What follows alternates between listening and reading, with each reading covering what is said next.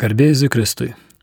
Mėly Marijos radio klausytojai, tęsėme paskaitų ciklą Dvasinės ekologijos, bibliniai ir teologiniai pagrindai.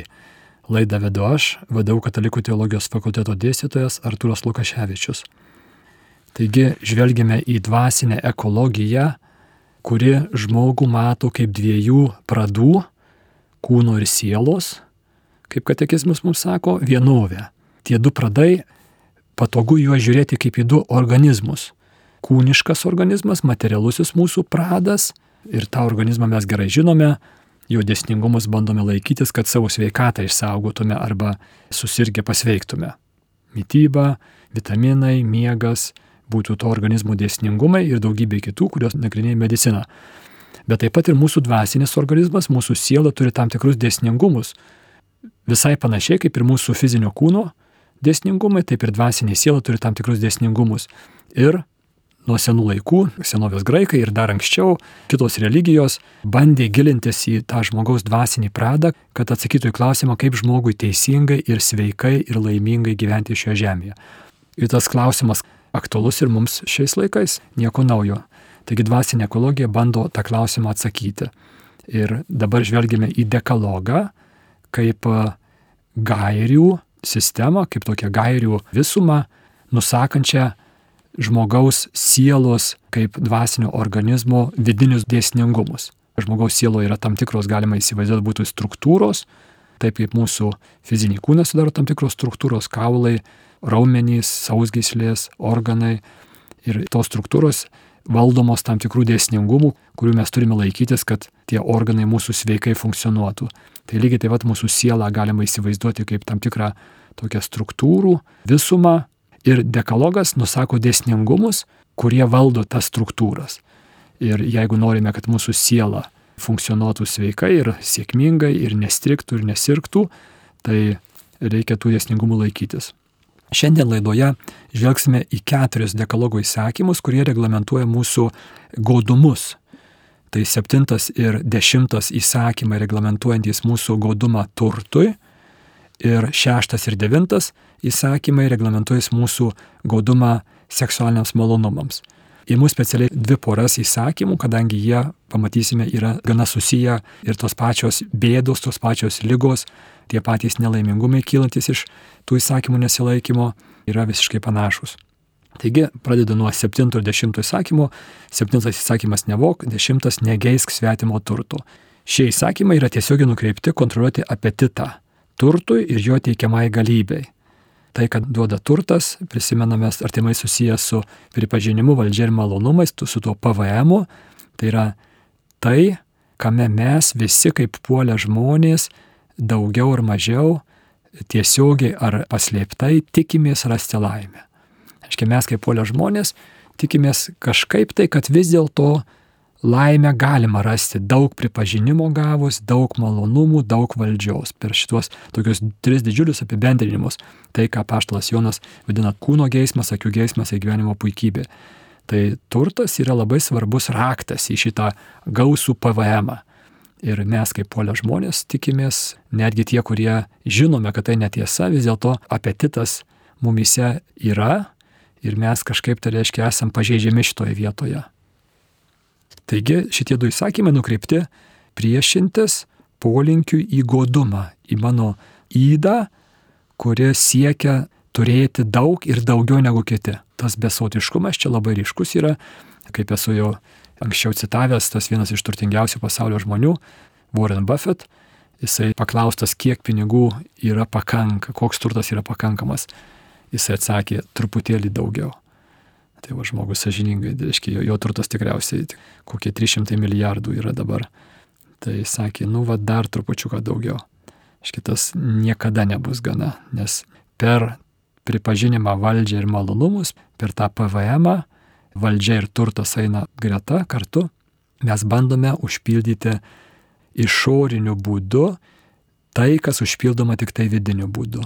Tai yra mes bandome iš lauko pusės užpildyti begalinį meilės troškimą. O meilės troškimas užpildomas yra tik tai iš širdies pusės, tik iš mano vidaus. Bet mes kaip polė žmonės turim viltį, kad kažkokiu tai būdu didelis kiekis PVM vis dėlto užpildys tą trūkumą, tą alkį, bet tai yra iliuzija. Septintas įsakymas kontroliuoja, kaip matome, mūsų veiksmų sritį, nevok. Dešimtas minčių ir vaizduotės sritis. Jeigu prisimenate, prieš keletą savaičių aš daviau tą pavyzdį, tokią iliustraciją su goduoliu pavyduoliu. Tai yra žmogus, kuris labai godus, jisai trokšta, trokšta, trokšta daug turto ir jisai, godumas eina dažniausiai kartu ranka rankon su pavydu, kodėl kitas turi daugiau negu aš. Ir iliustravau, kaip goduolis pavyduolis, jisai nelaimingas žmogus, nes jisai niekad negali būti patenkintas ir džiaugtis tuo, ką turi, nes jis dar kažko tai neturi. Ir kitas turi daugiau negu jis. Gaudumas tai reiškia liūdėsys dėl to, kad aš dar kažko neturiu, o pavydas yra liūdėsys dėl to, kad kitas turi daugiau negu aš. Ir kaip matėme tą iliustraciją, reiškia, tas goduolis pavyduolis mato kažką tai, kaimynas turi daugiau, kažkokį tai kokybiškesnį, brangesnį daiktą ir jam nuotaika nukrinta, susierzinimas. Ir jisai pastovi kaimyno ten tą kokią tai automobilį ar ten kokį namą ar kažką tai matydamas, jisai visą laiką į liūdėsi, į tokį į pyktį.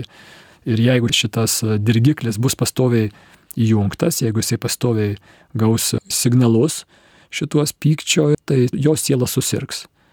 Ir gali nuvesti į santykių sugriuvimus, į depresijas, į priklausomybės. Ta sielos lyga, toliau plėtodamasi, gali apimti labai daug.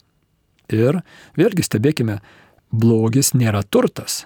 Turtas yra geras dalykas. Dievas sukūrė pasaulį su didžiuliais turtais ir atidavė žmogui juos valdyti. Bėda yra tame, kai mes neteisingai prisirišame prie to turto, tarsi jis galėtų mane padaryti laimingą. Va čia yra klaida. Iš esmės net neturto kiekyje, nes gali būti žmogus, kuris nedaug turi, bet jisai tą prisirišimą prie nedidelio savo turto yra tas prisirišimas, o kitas žmogelis gali daug turėti ir, ir nebūti prisirišęs. Aišku, Jėzus labai spėja Evangelijose, kad vis dėlto turtas turi didžiulę pririšančią galę. Turim būti labai budrus, kad netgi jeigu ten esam turtingi, arba ypač jeigu truputį esam kažką, tai turim daugiau ir neraminti savęs, kad svarbu neprisirišti. Taip, iš tikrųjų teisingai svarbu neprisirišti, bet turtas turi didžiulę, didžiulę magnetinę pririšančią jėgą. Tai čia turim būti labai, labai atsargus ir budrus. Šitų įsakymai reglamentuoja teisingumą, tvarkant materialinės gerybės. Tai yra pareiga atiduoti skolas, teisingą atlyginimą mokėti, atiduoti rastus daiktus, atlyginti skriaudas ir taip toliau. Reiškia, tai tas teisingumas materialių gerybių skirstimo lygmenyje.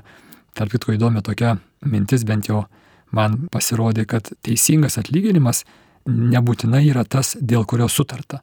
Nes kartai žmogus dėl kokios tai savo gyvenimo situacijos gali sutikti dirbti už pernelyg mažą atlyginimą ir krikščionis katalikas turi pareigą mokėti ne šiaip, kad sutiko žmogelis tenais iš nevilties ar savo šeimai, kad praneštų bent kažkokį tai maisto kažkiek tai nupirkęs ir jis tik gali už pusdykį dirbti. Nu, gal čia Lietuvoje mažiau, bet iš principo. Ir krikščionio pareiga yra mokėti teisingą darbo užmokestį, gali būti didesnis negu tas, dėl kurio sutarta.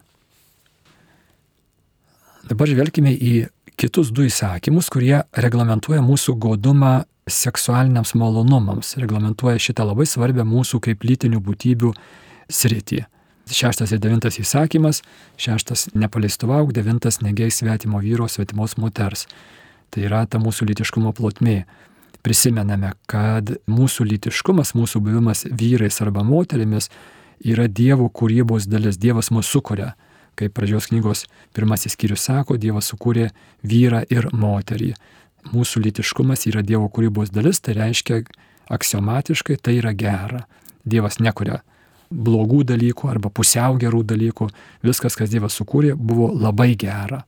Tai tas at, mūsų litiškumo gerumas, kaip ir visi kiti sukurtieji dalykai, būti lytinė būtybė, su lytinio potraukiu, lytiniai santykiai, visa tai yra Dievo kūrybos dalis, tai yra labai gera. Kaip ir visi kiti sukurtieji dalykai, lytiniai santykiai, lytiškumas, lytinis potraukis turi savo ribas. Atsimenate, pirmosiuose paskaitose kalbėjau apie tai, kad būti sukurtu, būti kūriniu, tai reiškia būti apribotu. Tiesiog tai yra tiesiog tas pats. Būti kūrinys tai reiškia yra apribotas. Ir mūsų lytiškumas taip pat turi savo ribas, tas ribas kūrėjas nubrėžia ir mūsų lytiniai santykiai turi savo labai aiškias ribas ir tai yra pagal kurio planą tarp vyro ir moters esančių sandorinėme ryšyje, kurį mes vadiname santoka. Tame ryšyje lytiniai santykiai yra geri, Dievui garbę, žmogui džiaugsmą nešantis, visur kitur jie yra, turi būti peržengimas. Ir peržengdami tam tikras, kurie nubrėžtas ribas, nes visų pirma sužeidžiame savo dvasinę prigimtį, savo sielą ir ta siela pradeda sirgti. Tai va čia dabar šitą sekantį pusvalandį kalbėsiu apie šitą labai svarbę sritį. Šiais laikais jinai labai yra serganti, labai daug bėdos turime šitoje plotmėje. Taigi mūsų lytiškumas labai artimai susijęs su mūsų pašauktumu, visi esame pašaukti į gilę bendrystę. Žmogus yra pašauktas mylėti ir būti mylimu. Ir lytiniai santykiai yra archetipinis toksai vaizdas, paveikslas to žmogaus pašauktumą į labai gilę bendrystę, į, į buvimą vienu kūnu. Kaip pradžios knygos antros skyriaus pabaigos eilutės kalba apie vyrą ir moterį, kaip jie padovanoja vienas kitam ir jie palieka abu tėvą ir motiną, savo žemiškus ryšius, pačius artimiausius, ir susijungia į naują pačią artimiausią bendrystę, tampa vienu kūnu, kas yra ir intimus santykiai, bet tai yra daugiau negu intimus santykiai, tai yra jie gyvena vieną gyvenimą. Išlikdami atskiri asmenys, jie susivienyje protų, širdžių, jausmų ir kūnų lygmenyse, ir reiškia susivienyje iš meilės ir gyvena vieną gyvenimą. Tai yra Dievo svajonė žmogui, kad jis patirtų tą gilę bendrystę, gilę meilę, komunijo, patirtų štai tokiu būdu. Tačiau žinome, kad taip nėra mūsų gyvenimuose, tie, kurie esame susituokę, ar visos kitos bendrystės irgi nėra tobulos, mūsų draugystės nėra tobulos, mūsų darbo kolektyvai, mūsų bendruomenės, vienuolinės bendruomenės toli gražu nėra tobulos ir mes žinome, kad tos bendrystės mes nepatiriame arba nepatiriame tiek, kiek norėtume. Čia kalta yra nuodėmė, mūsų nuopolis, kad esame puolę žmonės ir mūsų asmeninės nuodėmės kuriomis mes sužeidžiame ir savo sielas pirmiausia, ir jos pradeda sirgti egoizmu, užsidarimu, baime, negebėjimu išeiti į bendrystę ir sužeidžiame kitus žmonės, kurie užsidaro nuo mūsų. Ir tas mūsų sužeistumas taip pat labai stipriai reiškiasi ir šitoje litiškumo plotmėje. Ir net mūsų santuokos, kur turėtų pagal Dievo planą būti tobula, ta žmogiškoji bendrystė, yra toli gražu iki to tobulumo dar labai toli ir dažniausiai labai daug sužeistumo ir labai daug skausmo tenais yra. Dabar tam, kad žiūrėčiau į šitą sritį, litiškumo ekologiją galima būtų pavadinti ją, paimsiu vieną autorių, amerikietį psichologą Scottą Peką. Jo knygą turime išvestą Nepramentuoju taku, tikrai gera knyga, tačiau kitoj savo knygoje jisai pateikia naudingus tokius e, keturis etapus, kuriuos vienokiu ar kitokiu būdu mes įgyvendiname, keliaudami savo tą bendrystės kelionę ir įsivaizduokime tą romantišką vaikino ir merginos draugystę, judant link santokos, reiškia įsimylėjimas, visas tas artėjimas vienas prie kito. Tas pats modeliukas galioja taip pat ir kitoms mūsų bendrystėms, mūsų visos bendrystės, kurios yra savanoriškais pagrindais, kur mes nesam priversti. Mokyklos klasė negaliotų, universiteto grupė negaliotų ar darbo kolektyvas negaliotų ten, kur mes susirinkam savanoriškais tikslais. Maldos grupė būtų savanorystės grupė, kokia nors ten gyvūnų globos grupė, kur žmonės savanoriškais tikslais susirinka, vienuolinė bendruomenė, katalikiška ar krikščioniška bendruomenė, dinamikos, santykių dinamikos vyktų pagal šitą Peko nusakytą modelį. Ir štai Pekas sako, kad mes visi, visos bendrystės, visos bendruomenės praeina vienaip ar kitaip praeina keturis etapus. Sako, pirmiausiai, tai mes esame tokiam labai didelio emocinio pakilumo, rožinio akinių, didelių svajonių laikotarpyje, kurį jisai pavadina pseudo bendruomenė, pseudo bendrystė. Tai romantiškame vyro ir moters santykė tai būtų įsimėlimo laikas. Jisai yra gražus, reikalingas, būtinas netgi, jeigu jo nebūtų, tai ko gero nežinau, ar, ar įmanoma tokia pilnatviškas judėjimas į tolesnius etapus, bet jis turi savo ribas. Ir šito laikotarpio pagrindinis toksai, gal sakyti, trūkumas, bet kaip sakant, ko dar trūksta jam iki rimtesnio santykio, tai yra tai, kad santykis yra daugiau ne su konkrečiu žmogumi priešais mane esančiu, bet su mano svajonė apie tą žmogų. Kitaip sakant, aš turiu tam tikrą įsivaizdavimą, tam tikrą svajonę apie savo išrinktąją, ar, pavyzdžiui, maldos grupė, kuriasi nauja, jaunimėlis nuvažiavo į Taizę ir grįždami jie, jiems patiko Taizė ir jie nusprendė, kad jie sukurs savo parapijoje pačią geriausią, nuostabią Taizę maldos grupę ir jie grįžta ir svaigsta autobuse jau gėda giesmes ir kuria planus, tas rožinio akinių įsivaizdavimo, svajonių laikotarpis. Ir Pekas sako, šitas laikotarpis trunka paprastai, nu, nelabai ilgai, nes pradėjus skirti daugiau laiko vienas su kitu, arba tai maldos grupiai, kartu skiriant laiko, išryškėja tikrieji mūsų veidai. Ir paaiškėja, kad mes nesam tobuli, toli gražu mes nesam tokie nuostabus, kaip tose svajonėse vieni apie kitus įsivaizdavome. Ir Pekas sako, periname į antrąjį laikotarpį, kurį jisai pavadina chaoso laikotarpiu, arba būtų galima dar jį pavadinti kova dėl valdžios laikotarpiu.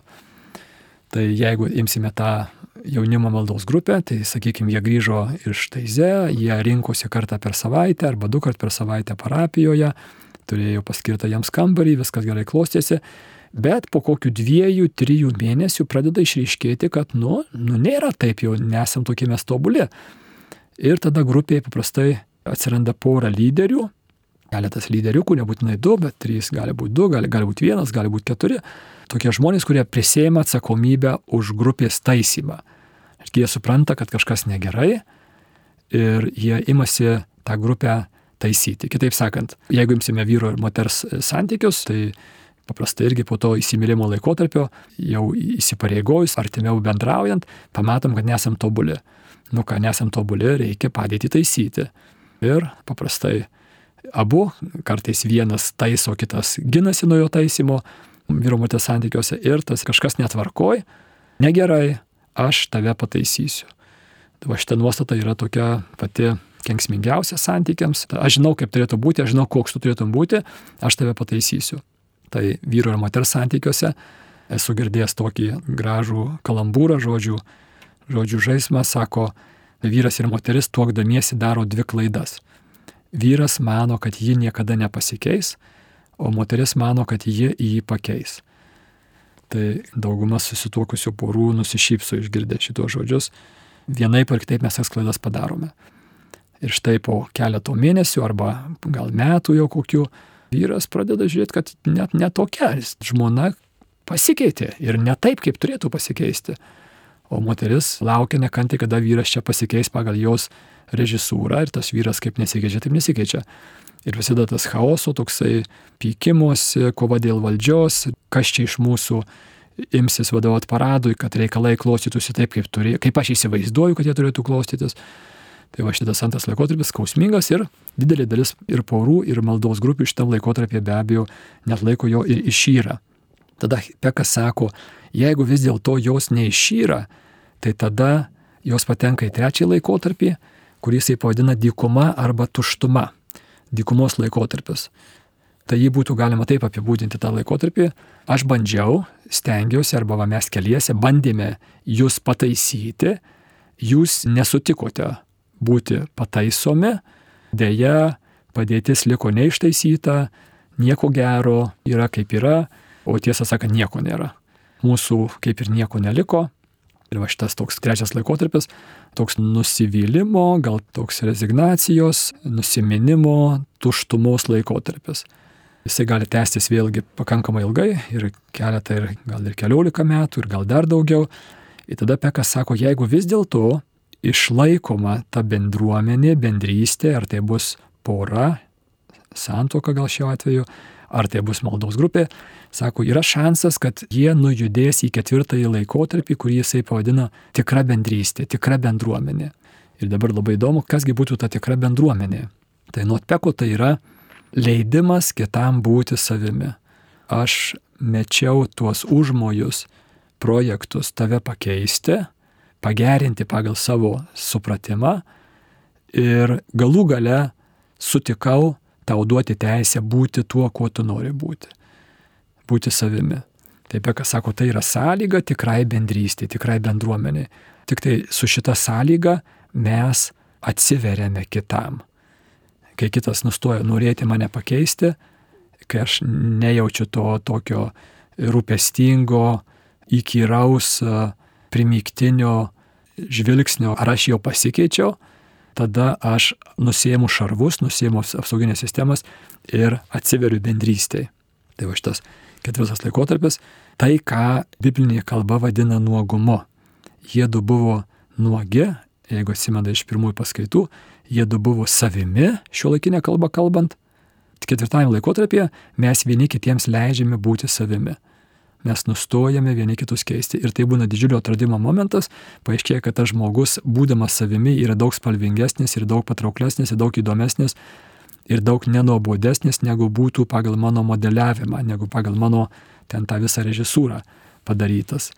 Ir tada prasideda tikroji bendrystė, tai yra džiaugimasis tuo nenuspėjamumu, koksgi tu esi iš tikrųjų. Tai biblinė kalba tai yra, jie du buvo nuogi, žmogus ir jo žmona ir nejautė jokios gėdos. Jiedu buvo savimi ir nematė tame jokios grėsmės. Visų pirma, nejautė grėsmės vienas iš kito. Tai antrajame ir trečiame laikotarpyje grėsmė yra didelė. Antrajame laikotarpyje aš esu nepatenkintas tavimi, koks tu esi. Trečiajame laikotarpyje aš esu nusivylęs tuo, koks tu esi. Ir štai ketvirtame laikotarpyje aš atsisakau tų tokių gynybiškų, egocentriškų, susireikšminusių pozicijų, kur aš sakiau, aš nelaimingas, kad tu nesi toks ar tokia, kokia turėtumėt būti, maldos grupė yra netokia, kokia turėtų būti ir dėl to aš esu nelaimingas. Reiškia, žmogus savo laimingumą sieja su išoriniais dalykais. Jis vis dar bando tą alkį, tą duobę skylę savyje užpildyti iš lauko. Kiti žmonės turi būti tokie tam, kad aš būčiau laimingas. Maldos grupė turi būti tokia, žmona arba vyras turi būti tokie, tam, kad būčiau laimingas. Toks kelias niekada neduos rezultatų ir reikia, kad žmogus keliautų savo vidinę kelionę ir atrastų, kad mano laimė ateina iš mano vidaus, santykio su Dievu, santykio su savimi ir tada aš galiu sveikai, nekontroliuojančiai, nereikalaujančiai išėti į santykį su kitu žmogumi, aš galiu leisti jam būti savimi. Biblinė kalba būti nuogu. Tai jeigu žiūrėsime į santokinį gyvenimą, tai ir, kaip sakiau, maldos grupės, ir vienuolinės bendruomenės, ir krikščioniškos bendruomenės, visi savanoriški susivienijimai perina tos keturis etapus vienokią ir kitokią formą, vienokią ir kitokiu būdu. Ta, kas sakytų, tai neišvengiami, tie keturi laikotarpiai, keturi etapai yra mūsų bendro artėjimo vienas prie kito, kaip nuodėmingų, puolusių žmonių, neišvengiamai jie įvyks vienaip ar kitaip. Ir dabar klausimas būtų svarbusis, kokiasgi savybės, vėlgi prisimenat, kokiasgi vidinės struktūras, kalbant mūsų kalba, paskaitų ciklo kalba, reikia turėti, kad aš praeičiau į tą ketvirtąjį laikotarpį, kad aš praeičiau į tą tikros bendrystės, dangaus priengio ragavimą, į tą ketvirtąjį laikotarpį. Ir be abejo, čia galite pagalvoti keletą sekundžių, Ir teisingų atsakymų bus daug. Čia ir meilė, ir kantrybė, gebėjimas nebūti egocentrišku, egoistu ir taip toliau. Visą tai teisingi atsakymai. Bet aš noriu kreipdėmėsi į vieną labai šiandien svarbų ir stokojantį mūsų sielos sistemoje, mūsų sielos organizme. Viena struktūra dažnai šlubuoja. Ir tai yra gebėjimas įsipareigoti. Įsipareigojimo stoka. Įsipareigojimas šiuo atveju suvienyje keletą savybių savyje ir įgalina mane judėti per tuos sunkiuosius antrąjį ir trečiąjį laikotarpius. Pirmas laikotarpis labai smagus, didžiulio emocinio pakilumo, viskas labai lengva, bet antras ir trečias laikotarpiai yra skausmingi. Ir va kas man padės išbūti santykiuose ir iš jų nepabėgti, tai yra gebėjimas įsipareigoti. Įsipareigojimas yra raktas į gilius santykius. Ir jeigu tiesa, kad žmogaus laimė yra gilioje bendrystėje, tai įsipareigojimas yra būtinas mano laimė. Jeigu aš neturiu gebėjimo įsipareigoti, tai tada gilų santykiai man nepasiekimi yra. Dabar žvelgime į įsipareigojimą. Įsipareigojimas kaip savanoriškas savęs apribojimas, savo apetitų PVM apribojimas, aš įsipareigoju ir mes darome, pažiūrėkite, daugybę įsipareigojimų, ne tik tai santykių plotmėje, bet, pažiūrėjau, darome profesinėje plotmėje, reiškia, aš įsipareigoju, įsipareigoju kokiai nors profesijai. Jeigu žmogus yra jaunas vaikas, sakykime, koks dešimtmetis vaikas, ir klausia tėvai, nu tai sūnau, kogi tu būsi. Ir jisai vardina, sako, aš noriu būti ir miškininku, ir noriu būti gydytoju, ir noriu būti kosmonautu, ir noriu būti dar ten kažkuo tai teisininku ir taip toliau. Nu, jis labai plačiai išvardina ir tėvai šypsos ir sako labai gerai. Dabar tam pačiam vaikui jau būna 15 metų ir tėvai jau kviečia jį siaurintis. Kodėl siaurintis? Siaurinimas tai reiškia, aš savanoriškai apriboju save ir aš jau sutinku nebūti gydytoju ir teisininku ir aš nusakau dar man tarp miškininkystės ir kokio nors ten, sakykime, chemijos kokios nors. Labai įdomu abu šitie dalykai. Tėvai sako labai gerai ir ateina laikas ir reikia dar labiau susisiaurinti. Kodėl? Todėl, kad jeigu tu nori kažką tai daug pasiekti, giliai pasiekti, ar tai bus profesinės rytis, ar tai bus santykius rytis, reikia susisiaurinti. Ir kuo labiau susisiaurinsi, tuo didesnis šansas pasieksi giliai. Labai retas atvejis, jau tikrai išimtis, o ne taisyklė, kai žmogus gali būti aukšto lygio profesionalas kelių sričių koks nors muzikas ir gydytojas ir teisininkas ir miškininkas ar dar kas nors, nu, labai retai pasitaiko. Dažniausiai tam, kad žmogus būtų geras profesionalas, jis turi būti pasirinkęs vieną sritį. Ne šiaip mediciną, bet labai siaurą medicinos sritį, kokią nors vieno organo gydymą tam tikrų būdų, tam, kad labai giliai pasiektų. Tai va lygiai tas pats yra ir santykiuose. Ir įsipareigojimas yra tai, kas įgalina mane gebėti susisiaurinti savo apetitus santykiams ir jų teikiamiems malonumams. Jeigu kalbu apie santuoką, tai čia būtų lytiniai malonumai ir tuokdamiesi mes savanoriškai save susisiauriname iki vieno žmogaus. Kodėl? Todėl, kad maksimalus susisiaurinimas, maksimalus, maksimalus susisiaurinimas iki vieno žmogaus sudaro sąlygą, sudaro prielaidas aukti link labai gilių santykių. Galimybė atsiranda, bet ne būtinybė. Galim taip ir nepasiekti. Bet atsistojame į kelionę, atsistojame į kelią link tų labai gilių santykių. Ir atvirkščiai, jeigu žmogus negeba padaryti įsipareigojimo, arba negeba jo išlaikyti, geba tik jį deklaruoti, bet negeba jo įgyvendinti, tai jisai neturi gebėjimo aukti į labai gilius santykius. Jeigu paimsime tokį įsivaizduojamą kokį nors jauną vyruką, kuris turi daug merginų ir su visom jam gera ir jisai savo per daug nevaržo savo moralumo ir intimų gyvenimą gyvena ir toks playboy stiliaus gyvenimo būdas, tai be abejo jisai mūsų masinėje kultūroje piešiamas kaip toks labai džiugus ir laimingas ir viską, bet iš tikrųjų jisai labai vienišas, nes į gilius santykius toks vyrukas tiesiog neturi gebėjimo įeiti. Jisai ugdė savyje požiūrį į moterį kaip į žaidimų, tokį malonumų partnerę ir smagaus laiko leidimo partnerę, ir atostogos, ir kelionės, ir intimus neįsipareigoti santykiai. Ir jeigu jisai pakankamai ilgai save ugdė šitoje kryptyje, tai jisai neturi vidinių raumenų, vidinių struktūrų nesuirusių, kurios įgalintų jį įsipareigoti vienai moteriai ir išlaikyti tą įsipareigojimą tada, kai nebus emociškai smagu.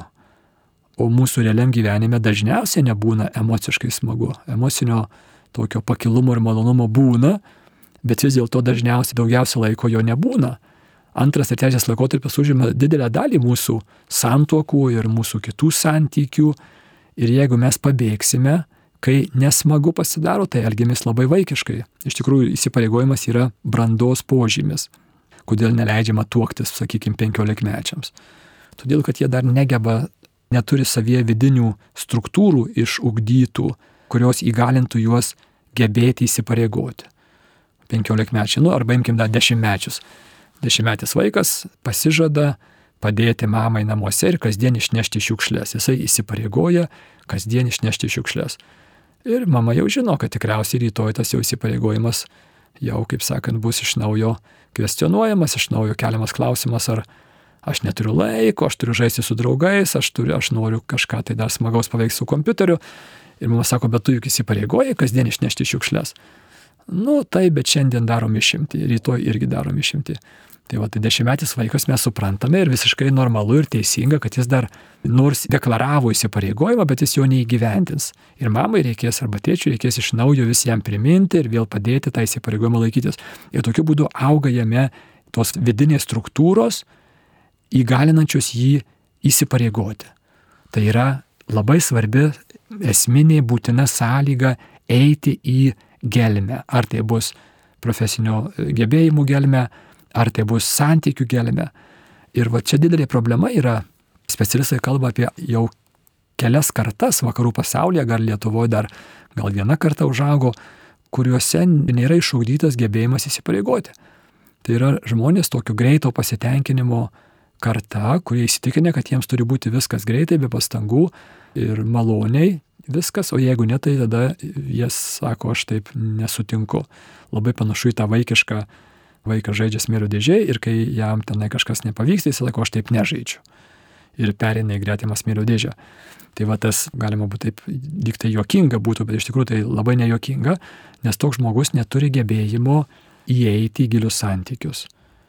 Ir ką ten masinė kultūra be pieštų, kaip ten džiugiai ir laimingai atrodytų tas neįsipareigojantis gyvenimas, jisai iš tikrųjų labai vienišas yra. Ir aišku, kol tie žmonės jauni ir, ir sveiki ir naivūs, tas, kaip sakant, gal galima tokio iliuzijoje, įspūdžiui, gausoje ir įvairoviai kažkaip pasiliuliuoti. Bet bent kiek atidesnis žvilgsnis rodo neišvengiamą vienišumą, kuris netrukus išryškės, nes mes trokštam gilių santykių. Ir be gilių santykių mes jaučiamės labai neišpildyti. Tai tas vad įsipareigojimo būtinybė. Kreipkim dėmesį, įsipareigojimas yra valios, apsisprendimas, reiškia mano sielos struktūros tam tikras raumuo, tam tikras gebėjimas priboti save. Ir, pavyzdžiui, santokos atveju tas apribojimas yra tikrai labai didelis. Tuokdamasis aš save apriboju į ateitį. Aš sakau, sutinku neturėti romantiškų santykių su visom nuostabiom merginom ir moterim, kurias sutiksiu per sekantį dešimtmetį, dvidešimtmetį ir iki pat gyvenimo pabaigos. Iškia, aš save priboju ir būt kelt galima klausimą, tai kodėl aš turėčiau save priboti? Ir atsakymas yra iš meilės šitai savo išrinktai. Mano išrinktoji yra tokia nuostabi, kad aš džiaugsmingai, pabrėžiu džiaugsmingai, ne tokiu skausmo perkreiptų veidų, ne, ne kažkaip tai, ai, nu ką darysi, nes tokia pozicija, bet reiškia džiaugsmingai sutinku apriboti save, kam? Kad galėčiau aukti meilės santykyje giliai su šita savo išrinktąją. Tai jau pastebėkit, tas įsipareigojimas nėra toksai skausmingas ar kažkoks tai toks per prievartą, bet tai yra savanoriškas. Nes meilė yra toks didelis ir gražus ir geras dalykas, kad dėl jos augimo aš sutinku ir noriai sutinku atsisakyti visų kitų galimų romantiškų santykių, šiuo atveju, jeigu kalbam apie santoką. Ir tas įsipareigojimas apima savęs apribojimą visų kitų galimų potencialių santykių ir taip pat apima savęs apribojimą išlikti šituose santykiuose nepriklausomai nuo aplinkybių. Tarp kitko, santokinė priesaika išreiškia tą besąlyginumą.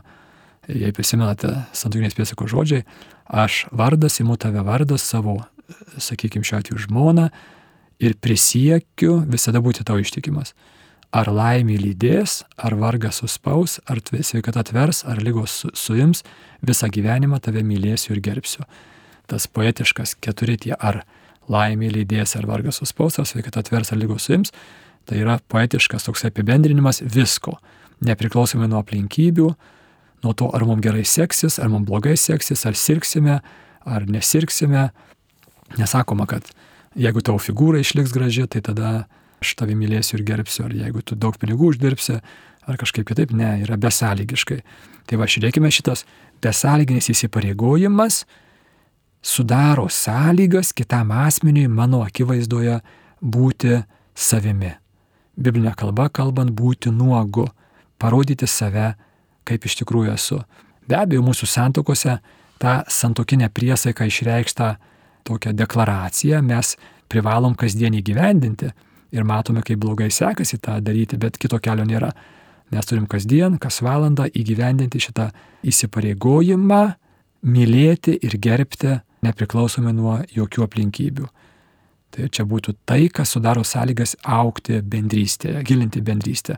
Vėlgi vieniems per gyvenimą pavyksta giliau įeiti, kitiems mažiau, bet kito kelio nėra. Jeigu norime aukti bendrystėje, tai va čia būtų vienintelis kelias.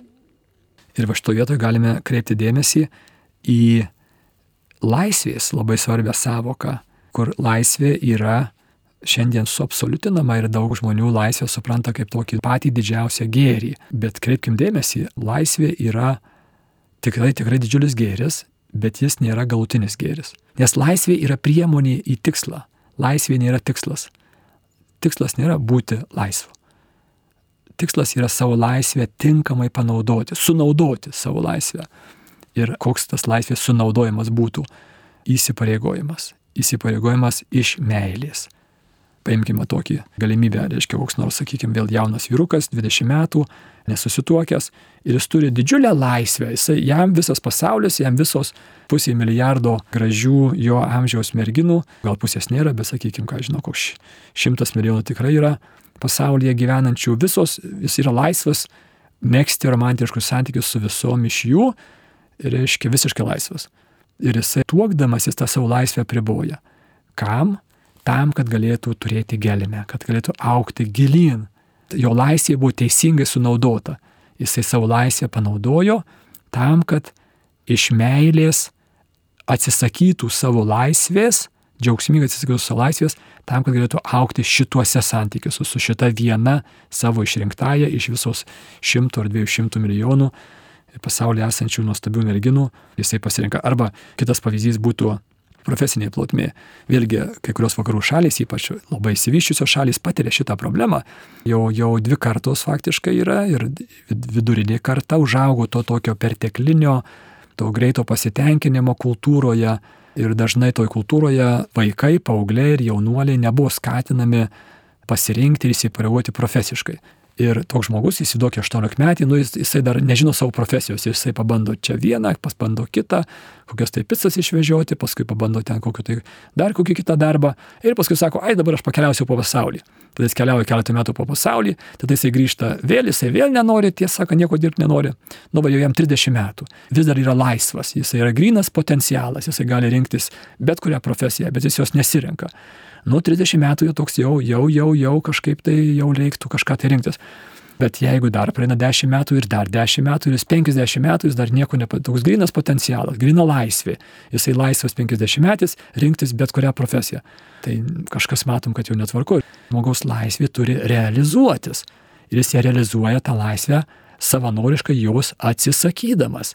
Tam, kad vienoje srityje galėtų aukti į didelę profesinę gelmę šiuo atveju arba vienose santykiuose galėtų aukti į didelę gelmę meilės. Vėlgi žiūrėkime, kaip mūsų masinė kultūra skatina neteisingą, iškreiptą ir tokį nesveiką požiūrį į laisvę, tarsi laisvė būtų tikslas, jinai tai yra priemonė ir tai labai svarbu ją teisingai panaudoti, bet tam, kad teisingai ją panaudočiau, turiu turėti vidinės struktūras, tam tikras nesuirusias gebėjimą įsipareigoti. Tas gebėjimas įsipareigoti yra labai svarbi kiekvieno žmogaus laimės sąlyga. Tai tęsime mūsų žvilgsnį į 6-9 įsakymą sekančią savaitę.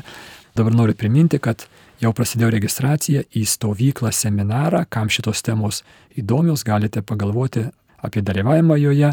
Šių metų Liepos 9-16 dienomis Šventojoje vyks stovykla Dvasinė ekologija visiems. Bus paskaitos, moderuojamos diskusijos grupėse, fiziniai užsiemimai, skirta visiems stovykla, kurie domisi tokiu visuminiu požiūrį į žmogų, jo dvasinę sveikatą, jos ryšį su fizinė, taip pat psichologinė sveikata. Daugiau informacijos rasite suvedę stovyklos pavadinimą internete, tai yra dvasinė ekologija visiems. Likite sveiki, klausytės laidos dvasinės ekologijos, bibliniai ir teologiniai pagrindai. Viso geriausio.